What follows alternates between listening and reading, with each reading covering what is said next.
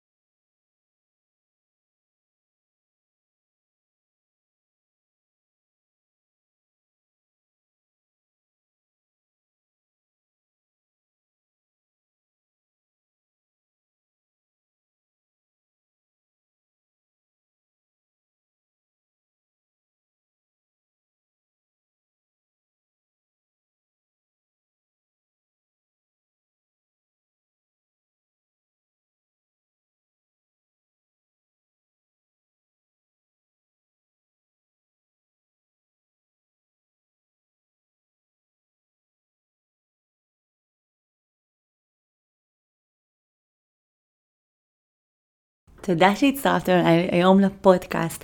אנחנו נדבר היום על ה-NLP ואיך הוא יכול להיות זרז משמעותי בתהליך הירידה במשקל של כל אחת ואחת מכן. איך בעצם אפשר לשנות את המחשבות שלך בשביל לשנות את הגוף שלך. זה מדהים.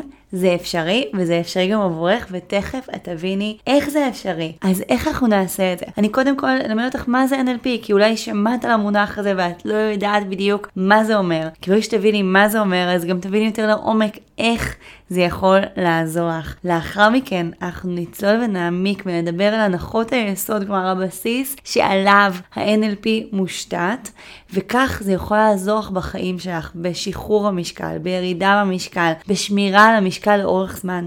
כי בעצם הנחות היסוד של ה-NLP עליו הוא מתבסס כל התורה, וזה בעצם מה שעוזר לשיפור איכות החיים, להורדת מתחים, להסתכלות יותר חיובית על החיים ואופטימית. וכאשר אנחנו מסתכלות על החיים בצורה כזאת, אז גם החיים מחזירים לנו את אותה גישה, ואנחנו מרגישות שפתאום אנחנו חוות יותר שפע ויותר חיוכים, והרגישה יותר נעימה ויותר שמחה, אבל היום אנחנו כמובן נתמקד בעיקר בנושא של המשקל ואיך לעזור לשחרר את המשקל דרך עולם ה-NLP והולך להיות מדהים מדהים מדהים. אני כבר אומרת שהיום אנחנו נספיק לדבר על הנחת יסוד אחת, אהובה, חזקה, מחזקת, ובהמשך הפרקים אתם תקבלו עוד ועוד הנחות. מזמינה אתכן כן לרשום לעצמכם נקודות במהלך הפרק שיזכירו לכם את הנחת היסוד הזאת ויעזור לכם לתרגל במהלך היום יום שלכם. כי ברגע שאתם תתרגלו ותחיו על פי זה עוד ועוד ועוד, זה יהפוך להיות אתן, וזה מה שאנחנו רוצות. אנחנו רוצות גם לשמוע את הפודקאסט ולקבל ככה עוד רעיונות נהדרים שיעזרו לכם בתהליך השחרור במשקל שלכם, וגם לתרגל את זה, כי אם אנחנו לא נתרגל את זה, אז זה יישאר בגדר עוד פודקאסט ששמעתם. אז לתרגל את זה על ידי תרגול במחשבה עצמית. עוד דרך לתרגול שהיא מאוד מאוד עוזרת, זה לשתף. תשתפו במה ששמעתם כאן היום, עוד חברות, משפחה, כל אחד שאתם חושבים שהנחת היסוד הזאת יכולה לעזור לו בחיים, תנו לו את המתנה הזאת כמו שאני נותנת לכם את המתנה הזאת היום. אז אחרי ההקדמה המרגשת והמדהימה הזאת, אנחנו יוצאים לדרך ובואו נראה איך ה-NLP יכול להשפיע על המשקל שלכם. אז לפני שנדבר ככה איך הוא יכול לעזור, בואו נבין מהו, מהו ה-NLP הזה שכולם מדברים עליו ושומעים עליו היום יותר ויותר. החלטתי שתצטרכו להתאפק עוד קצת לפני שאני מספרת לכם על ההגדרות של ה-NLP ומה זה בדיוק ה-NLP. כי אני רוצה קודם כל לתת לכם דוגמה של סיפור אמיתי שקרה לי בחיי, ואיך בעצם ה-NLP באמת שינה לי את החיים, כמו שהכרתי אותם לפני שמעתי NLP. אז אני מאסטרית ב-NLP, שמעתי בבית ספר MNLP, שהוא בית ספר מדהים, מאוד ממליצה. זה עזר לי מאוד גם כלים בתחום הטיפולי וגם בתחום האישי, תכף תשמעו את הסיפור האישי שלי ואיך זה השפיע עליי. הייתי ככה בלימודי המאסטר, זה השנה השנייה שלומדים NLP, הייתי באיזשהו קונפליקט. ילדים כבר גדלו, כבר אה, שנתיים דיברנו אני ובעלי על אה, להביא ילד, ילדה שלישית לעולם, רציתי בת.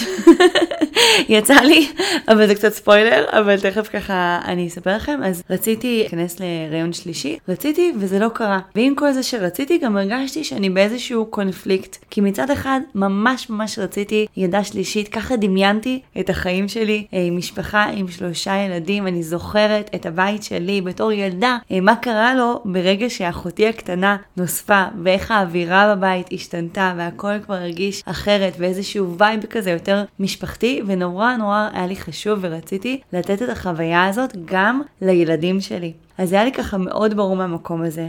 מצד שני, הקונפליקט היה מבוסס על זה שכשהראל, הבן שלי נולד, הבן האמצעי, היה לי מאוד מאוד קשה. חוויתי שם איזושהי תקופה, אולי אפילו איזה דיכאון קטן אחרי לידה, או משהו בסגנון הזה, כי אני ממש גם זוכרת את עצמי אומרת לאנשים סביבי, כשהוא היה בן שנה ושלוש, שסוף סוף אני זוכרת את עצמי באמת מחייכת. עד אז הרגשתי שאני לא ממש עצמי, כן תפקדתי ועשיתי ועבדתי מגיל מאוד צעיר שהוא נולד ועשיתי הכל, אבל משהו ככה בבפנים שלי לא היה אה, כמו שאני גילה ומכירה ויודעת על עצמי.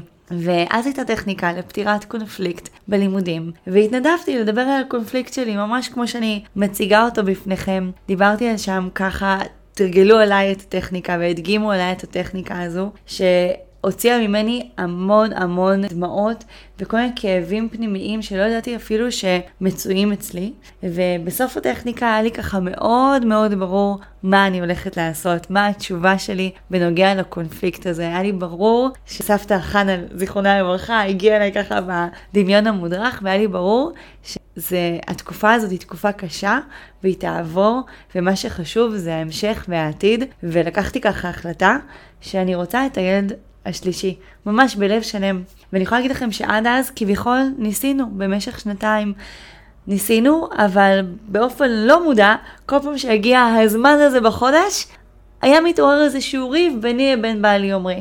באותו שבוע נקלטתי להיריון. והדבר העוד יותר מעניין שקרה, לא יודעת אם עוד יותר מעניין, אבל גם אחד המעניינים שקרה, זה בדיוק הייתה תקופת הקורונה, ונכנס לסגרים והבידודים וכל העניינים האלה, ולא הייתי בלימודים שלושה חודשים. ואז חזרתי אחרי שלושה חודשים, כלומר כבר הייתי חצי שנה בהיריון, עם בטן מפוארת, וכולם הבינו מה בדיוק קרה ואיך הטכניקה הזאת עבדה, ושינתה לי את החיים. אז תראו באיזה דבר גדול זה השפיע עליי, באיזושהי החלטה שהיא באמת משנת חיים, זה השפיע עליי, וככה זה גם יכול לעזור לכן ולהשפיע על החיים שלכם בנוגע לתזונה.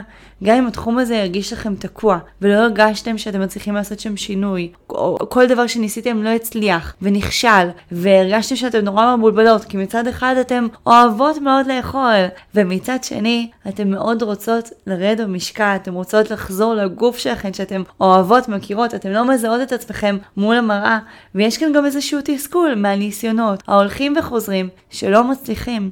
ולכן אני באה כאן דווקא עם הכלי הזה, לעזור לכם לשחרר כל המחשבות שאולי הן פחות מודעות, יותר מודעות, אבל מה שבטוח, ברגע שאנחנו נביא את זה כאן למודעות בינינו, במרחב הזה של הפודקאסט הזה, ואתם תשמעו את הנחות היסוד שאני אתן לכם ואפרש לכם לכיוון של המשקל, זה יעזור לכם גם ברגעים יותר קשים, יותר מתסכלים, יעזור לכם לפתור את הקונפליקטים שלכם במקום הזה, כי גם כשאנחנו רוצות משהו מאוד מאוד מאוד, יש בנו תמיד איזושהי אמביוולנטיה בתוך המקום הזה, את הקולות שהם בעד והקולות שהם נגד. ברגע שאנחנו מזהות את הקולות האלה ואת הדיבור הפנימי הזה, ואנחנו מצליחות לייצר סדר בקונפליקט הזה שאנחנו מרגישות, אנחנו יכולות להתקדם קדימה, כי אנחנו נמצאות בעצם במקום של בחירה. ויש כאן המון המון אה, בלבול אצל אנשים במקום של שליטה באוכל, לעומת להיות בבחירה, ואז להיות במעין צומת דרכים, ולבחור בדבר שהוא באמת יותר מיטיב איתי. וזה מה שאנחנו נעשה היום ביחד, אני אעזור לכם בדיוק בדבר הזה. עוד וידוי שיש לי ככה לשתף אתכם בו, שלפני ככה שחוויתי על בשרי את הטכניקה הזאת של ה-NLP שממש שינתה לי את החיים, היה לי קשה להאמין שזה אפשרי עבורי לעשות שינוי כזה שהלא מודע משפיע עד כדי כך עליי, שאני בן אדם ככה גם מאוד ריאלי, גם מאוד uh, פסיכולוגית ועומק, ותמיד אהבתי להעמיק, אבל גדלתי בבית כזה גם מאוד uh, ריאלי, מבוסס מדעי, אמא שלי דוקטור, אבא שלי פרופסור. וברגע שהרגשתי את זה על בשרי, והתחלתי לספר את הסיפור הזה, שאפילו בעצמי היה לי קשה להאמין עד כמה הלא מודע שלי השפיע על ההתנהלות שלי בלי שאפילו ידעתי את זה. ובאמת שאני בן אדם מאוד מאוד אה, מודע ועברתי המון המון תהליכים של התפתחות אישית במהלך החיים שלי, ולכן אני אומרת, הפרק היום והפרקים שיבואו אחריו בהמשך בנושא של ה-NLP ממש ממש יכול לשנות את ההתנהלות התזונתית שלכם כמו שאף דבר לא עשה קודם לכן. אז תקשיבו היטב, בואו נתחיל ונדבר מה זה בעצם ה-NLP. אז ה-NLP זו גישה לתקשורת ולפסיכולוגיה המבוססת על ההנחה שאנחנו יוצרים את המציאות שלנו באמצעות המחשבה והרגשות שלנו. כלומר, אנחנו אלה שיוצרים את המציאות, ששינוי של המחשבות והרגשות שלנו הוא זה שבעצם מוביל לשינוי בהתנהגות שלנו. אז מה זה NLP? NLP זה גישה לתקשורת, כלומר איך לתקשר עם אנשים ועם עצמנו בעצם, ולפסיכולוגיה שמבוסס על ההנחה שאנחנו יוצרים את המציאות באמצעות המחשבות, שמשפיעות על הרגשות שלנו, ואז גם על ההתנהגות שלנו. כלומר, השינוי המחשבתי והרגשי יוביל לשינוי בהתנהגות. ובשביל ככה להמחיש מה זה אומר, אני חייבת לתת לכם דוגמה של מישהי שליוויתי כבר לפני עשור. אה, אישה מדהימה, באמת, משהו מיוחד. היא ירדה כבר 40 קילוגרם והיא שומרת על זה בכל השנים האלה, באמת משהו מדהים. ובתחילת התהליך שלנו קרה לה משהו שגרתי, אך גם לא שגרתי. השגרתי פה זה שהיא הלכה לסופר. היא הלכה לסופר כמו שכל אחת מאיתנו עושה כל שבוע. היא הלכה לסופר, עשתה את הקנייה השבועית. דיברנו על הקניות לפני כן, מה כדאי שיהיה שם מבחינת מוצרי מזון בסיסיים, משביעים, מזינים וגם פינוקים, אוכל שווה. טעים, כיפי, שיהיה לה כיף לאכול אותה ומהנה ומספק, אז ברור לכם שבתור אחת שאוהבת מתוקים, אז היה לה גם שם מתוקים אה, בכמות שככה החלטנו ושהתאים לה, ובאמת ככה יצאה מאוד מאורגנת, והייתה בקופה, והיא מתחילה ככה לשים על המסוע את מה שהיא קנתה. והיא רואה שתי נשים מאחוריה מתלחששות עליה. מתלחששות ואומרות לה, לא, זה יותר, לא, זה כמה היא לקחה, ומה זה, ואיזה גודל, ו... תקשיבו, היא הייתה בטוחה במאה אחוז שמדברות על המשקל שלה, ועל מה היא לקחה לאכול, ועל האוכל שהיא העמיסה בעגלה, והיא הייתה בטוחה שהן חושבות כמה מתוקים היא לקחה, ומה נסגר איתה, ואישה כמוה, בגודל שלה, לא צריכה לאכול ככה, לא צריכה לקנות ככה, שלא תכניס אויבים הביתה, וכל המשפטים כאלה שהיא שמעה מהעבר שאמרו לה לא מעט. וואו, כמה פעמים מתערבים לנו בצלחת בלי שביקשנו התערבות? אתם יודעות על מה אני מדברת. וזה ככה הסרטים שהיא התחילה לאכול בראש, והיא רק פינטזה על הרגע הזה שהיא מגיעה הביתה ופותחת שולחן. כי זה מה שהתחשק לה באותו רגע, זה מה שהתחשק לה כשזה מה שהיא חווה מאנשים אחרים. היא מכירה את זה מהעבר, זה קרה לה לא פעם. והיא הייתה עם גוש בגרון ותסכול ענקי בלב.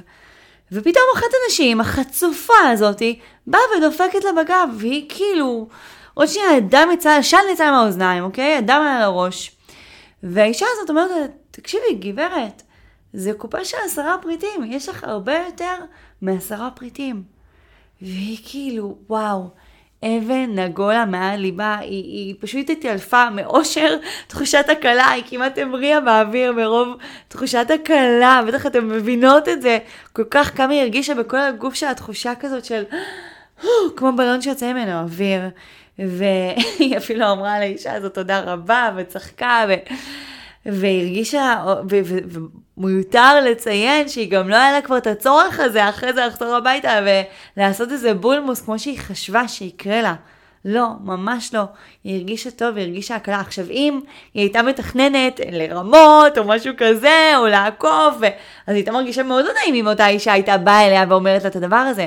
אבל בגלל שזה בכלל לא היה המצב, והיא חשבה שהן מדברות על הגוף שלה וכמה היא שוקלת וכמה היא גדולה ואיך היא מעיזה לאכול מאכלים כאלה ואחרים, אז ברגע שהם התייחסו ל, ל, בסך הכל לקופה, שהיא בקופה הקצרה והיא אמורה להיות בקופה הגדולה יותר, היא הרגישה הקלה אדירה.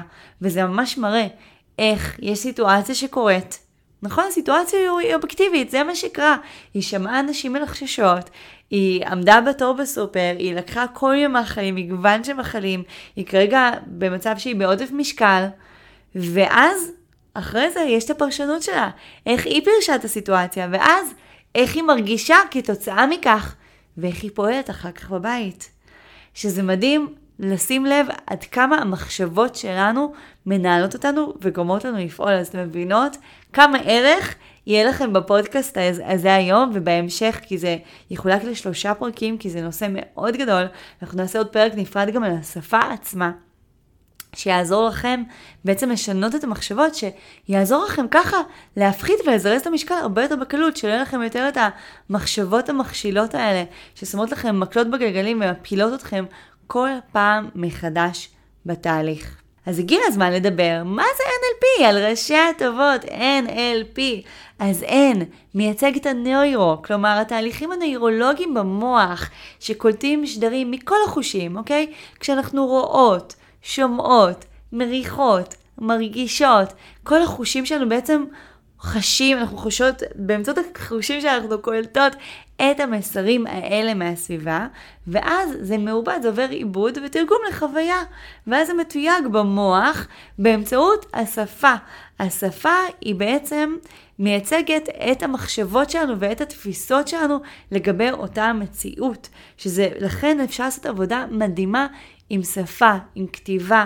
לא סתם, אני עובדת עם יומני אכילה כבר מעל 12 שנה, ובאמצעות היומני אכילה אני יודעת כבר לפרש את המחשבות שמשפיעות על ההתנהגויות. לכן תמיד אני אומרת לכתוב יומני אכילה מורחבים, שמביעות גם את הרגשות וגם את המחשבות. ובגלל שעבדתי כל כך הרבה שנים עם כל כך הרבה נשים, מאות נשים, ועזרתי להם לרדת במשקל, אז מספיק שאני רואה איזושהי מילה או משפט, ואני יודעת מה המחשבה ומה החוויה שהייתה שם שהשפיעה על הרישום של הדבר הזה, ואני יכולה לעזור דרך הכתיבה לעשות שינוי מחשבתי אדיר. ה-P מתייחס לפרוגרמינג, כלומר התכנות והניתוב, כלומר איך לארגן את התוצאות של הניתוח של הפעילות המוחית, כלומר של הנוירו, והלשונית, שזה הלינגוויסטיק, ולבצע תוכנית טיפולית, כלומר לעזור לשנות את המחשבה והשפה. לפעמים השינוי ייעשה על ידי שינוי שפתי, שבעצם משנה את המחשבה, ואני עשיתי את זה גם לעצמי וגם לעוד מאות נשים לא פעם, שדיברנו על איזשהו שינוי שפתי ותרגול של שינוי של השפה, והמחשבה השתנתה מזה. תחשבו רגע על עצמכם, על הדברים הקטנים היומיומיים האלה, כי הרבה פעמים דרך הדוגמאות האלה אנחנו ממש מבינות לעומק גם את התזונה שלנו, כי הרבה פעמים אנחנו צריכות להתרחק רגע מהסיטואציה, מעצמנו, ולבוא לזה מזווית אחרת, ואז קל לנו להוריד אה, אסימון מאוד גדול, איזה שימוש כזה במטאפורות. אז אני אתן לכם דוגמה, שלמשל אתן כותבות איזה אה, הודעה לחברה. והרבה פעמים יקרה לנו מצב שאנחנו נכתוב ונמחוק ונשנה קצת את הניסוח, כי נרגיש שזה לא באמת איך שאנחנו רוצות להתנסח ולחשוב על עצמנו. ובתוך הראש שלנו זה מופיע כמו גולמי, כמו ההודעה הראשונה שרצינו לשלוח. אבל ברגע שאנחנו מתקשרות עם העולם, ואנחנו מתקשרות את זה החוצה, אז אנחנו שמות לב איך אנחנו נשמעות, ואז אנחנו יכולות לייצר תקשורת יותר מיטיבה. עבור עצמנו, עבור הסביבה, אבל השיקוף הזה בלכתוב למישהו אחר נורא נורא עוזר, והרבה פעמים כשאני מדברת עם נשים שככה רוצות להתחיל תהליך, אני אומרת להם, דמיינו שאתם כותבות יומן אכילה לא סתם, אלא לדיאטנית שלכם. זה כבר מקבל איזושהי פרשנות אחרת, איזושהי הסתכלות אחרת, זווית ונקודת מבט אחרת שאומרת, רגע, מה נועה תגיד? דרך המחשבה הזאת, מה נועה תגיד, זה בעצם עוזר לכן להפנים את הקול המיטיב, כמו שיש לנו את הקול של אה, אימא, של אבא, של הבן זוג, בת זוג, של אה, חברים. יש לנו כל מיני קולות בראש שאנחנו מפרשים אותם, כמו אותה אישה שפירשה את הקול של האנשים בסופר, ואז אנחנו מתרגלות חשיבה מיטיבה דרך המקום הזה. כלומר, השפתי מאוד מאוד משפיע. והיום אנחנו נתחיל בהנחת יסוד אחת, זה שאני לא אעמיס עליכם בהמון מידע חשוב, גם אני אגיד לכם עוד משהו חשוב. ב-NLP אני רואה את זה הרבה פעמים, שבעצם כאשר אנחנו אה, שומעות את התכנים, יש את הפעם הראשונה שאנחנו שומעות את זה וזה ברמת המודע. ואחר כך יש כל מיני עידודים וכל מיני דברים וכל מיני סימונים שירדו לכם במהלך השבוע עד שתשמעו את הפרק הבא ואולי גם במהלך החודש הקרוב שיעזרו לכם להוריד עוד אסימונים ועוד תובנות שיעזרו לכם לשנות את ההתנהגות ואת המחשבות שלכם. ולכן גם חשוב לשמור על הפרקים האלה באורך כזה שיאפשר לכם לקלוט את כל הדברים שאנחנו מדברים עליהם וזה לא יהיה עומס יתר והצפה. אז הנחת היסוד שאנחנו נדבר עליה היום ובפרקים הבאים נדבר על עוד הנחות יסוד זה שהמפה אינה השטח. והדוגמה שנתתי לכם עם אותה אישה, זה בדיוק זה. זה בדיוק מתייחס למקום הזה שהמפה אינה השטח. כלומר, יש את הסיטואציה עצמה, ויש את הפרשנות שלנו של הסיטואציה, שהיא בעצם משפיעה על הרגשות שלנו, איך אנחנו נחווה את הסיטואציה, איך אנחנו נתנהג אחר כך.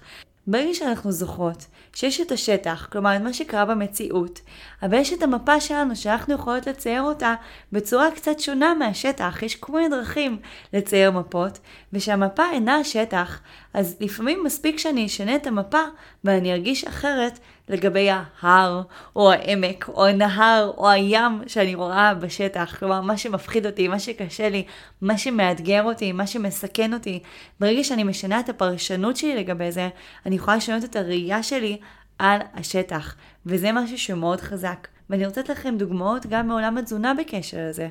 המציאות שלנו היא בעצם התוצר של המחשבות והרגשות שלנו. ולמשל, יכולות להיות לנו כל מיני מחשבות שליליות. על אוכל, או על המשקל שלנו, או על הגוף שלנו, שיפגעו בנו. למשל, אם אני אתייחס על עצמי ואדבר על עצמי בצורה מאוד פוגעת ומעליבה.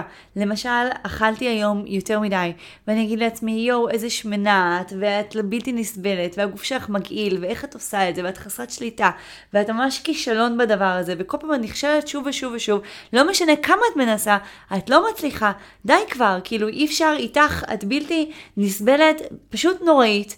כל המחשבות כאלה, מה זה יגרום לי? זה יגרום לי לרצות להמשיך בתהליך? זה יגרום לי להאמין בעצמי? רחוק מזה. המחשבות השליליות שלנו על עצמנו, על המשקל שלנו, פוגעות בנו, גורמות לנו לא לעשות. ואז בעצם אנחנו רואות את השטח כמשהו בלתי אפשרי, כי אני אימפולסיבית ואני חסרת שליטה, וכל פעם שאני יורדת אני עולה את הכל בחזרה עם ריבית. אז אם יש לי כל מיני מחשבות כאלה על עצמי, איך אני אצליח? איך, איך אני יכולה באמת? או עוד מחשבה שאני שמה לב שהרבה פעמים אנשים אומרים, אני לא יכולה לרדת במשקל, אני לא מצליחה לרדת במשקל, אני תמיד נכשלת, אני תמיד נשברת, אני תמיד לא מצליחה. ואתם יודעות, אני אספר לכם משהו דווקא בהקשר של הפודקאסט הזה. הפודקאסט הזה, הוא נולד אחרי, אני כבר לא יודעת להגיד לכם כמה חודשים וכמה הקלטות עברתי עד שהפודקאסט הזה יצא לדרך. כל פעם היה איזשהו משהו שלא הסתדר. פעם אחת עם הסאונד בצורה הזאת, פעם אחת בגלל אה, שהמזגן פעל, פעם אחרת כי המיקרופון שכחתי לחבר אותו אחרי שהקשבתי להקלטה, פעם אחת היה בעיה בתוכנה. אני לא אלאה אתכם. באמת, הקלטתי את זה כל כך הרבה פעמים, והיה איזה בוקר אחד שממש התחלתי כבר לבכות, נכון, זה רק פודקאסט, בסדר, גם אני אמרתי לעצמי את הקול הזה, אם אמרתם את זה עכשיו אני לא יודעת, אבל ממש התחלתי לבכות, ממש לבכות, הרגשתי כאילו אני ילדה שלי בת העשר, כאילו ממש הרגשתי כמו לבכות, בכי תמרורים, אמרתי, די, אני לא יכולה, כמה תסכול, אני לא מצליחה להכיל את התסכול הזה שאני נכשלת עוד פעם ועוד פעם ועוד פעם, באמת, זה כבר... אני חושבת שזה חמישה חודשים שאני מתעסקת בזה, ואני תכננתי את זה, להוציא את זה, ו... ואני לא מצליחה להוציא את זה החוצה, ואני יודעת שאני רוצה את זה, אני לא רוצה לוותר על זה, אבל גם קשה לי כבר להכיל את כל פעם שאני נכשלת ואני לא מבינה, כאילו אני מרגישה שאני לא לומדת ולא מתקדמת. וכמה פעמים יש לנו את המחשבות האלה בקשר למשקל. ואז באמת בכיתי בכי והייתי הכי אומללה, אוקיי? הכי אומללה. קמתי והקלטתי את הפרק הזה של, שאני מקליטה לכם עכשיו, וגם אותו הייתי צריכה להקליט עוד פעמיים עד שהוא יוצא עכשיו, כמו שאני מציעה אותו עכשיו. ולמה אני משתפת אתכם בזה? כי ברגע שנתתי פורקן לרגשות, ושמתי רגע את הפרשנות והמחשבות האלה קצת בצד, הצלחתי לעשות את זה שוב, כי הבנתי גם מה אני באמת רוצה, הבנתי שיש בי עצב ותסכול וצריך לתת לזה לצאת, והצלחתי גם להרים את עצמי. וכמו שהייתי נפל, בחלק הראשון של היום, אחרי זה הייתי מורמת וחזקה אחר כך, כי הבנתי שאני ממשיכה להתמודד, ובסוף אני אצליח, וזה רגעי עכשיו, הקושי הזה הוא רגעי, וזה זמני, ואני יכולה להצליח בזה, אין סיבה שאני לא אצליח בזה, וזה מתחבר לעוד מחשבות שאנחנו נדבר עליהן בהמשך. אבל זכרו שכל המחשבות השליליות שיש לכם כלפי עצמכם, אם אתן בוחרות לפעול על פי זה בהתנהגות שלכם, זה רק בעצם יגרום לכם לא להצליח. והמחשבות האלה הן לא המציאות. יכול להיות שבמציאות נפלתם ולא הצלחתם באמת הרבה פעמים. אבל במקום להגיד, אני לא יכולה לרדת במשקל, להגיד, עד עכשיו לא הצלחתי לרדת במשקל. עד עכשיו לא הצלחתי להקליט פודקאסט מספיק טוב, אוקיי?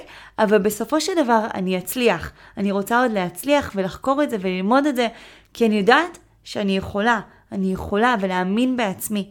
אוקיי? אז זכרו, המחשבות שלכם משפיעות. אז אם יש פרשנות של השטח שלכם, תבדקו האם המפה הזו מתאימה לכם, או שהייתם רוצות לשנות את מפת הפרשנות עבורכם. ואני ממש סקרנית לשמוע איפה זה פוגש אתכן. מה זיהיתם תוך כדי שדיברתי, שהיא בעצם המפה שלכם היום, שהיא לא משרתת אתכם, והייתם רוצות לאמץ איזושהי מפה חדשה, ולתרגל איזשהו סגנון מחשבה אחר, שהוא יותר מיטיב איתכן. ואם אתם מרגישות שיש חברה שצריכה לשמוע את הפודקאסט הזה, בדיוק את הפרק הזה, אני מאוד אשמח, יותר מאשמח, שתשתפו אותה, ותיתנו גם לה את המטרה הזאת, ואנחנו נתראה בפרק הבא. תודה שהייתם איתי היום. אני סקרנית לשמוע איך התוכן של הפרק היום יעזור לך להגשים את המטרה שלך ולהתקדם בעוד צעד לעבר השחרור של המשקל. במידה ואהבת את הפרק, אשמח שתשתפי אותו כדי שנוכל להפיץ את הטוב הזה לכמה שיותר אנשים בארץ ובעולם. ואני מזכירה לך שאני כאן עבורך, גם באינסטגרם, עם טיפים ברמת היום-יום שיעזרו לך לאהוב, לשחרר את המשקל, כי זה גם אפשרי עבורך. בואי לשתף אותי גם שם. איך את מיישמת את מה ששמעת בפרק האחרון, או בכלל, ואיך החיים שלך הופכים להיות לטובים יותר בזכות זה. נתראה בפרק הבא.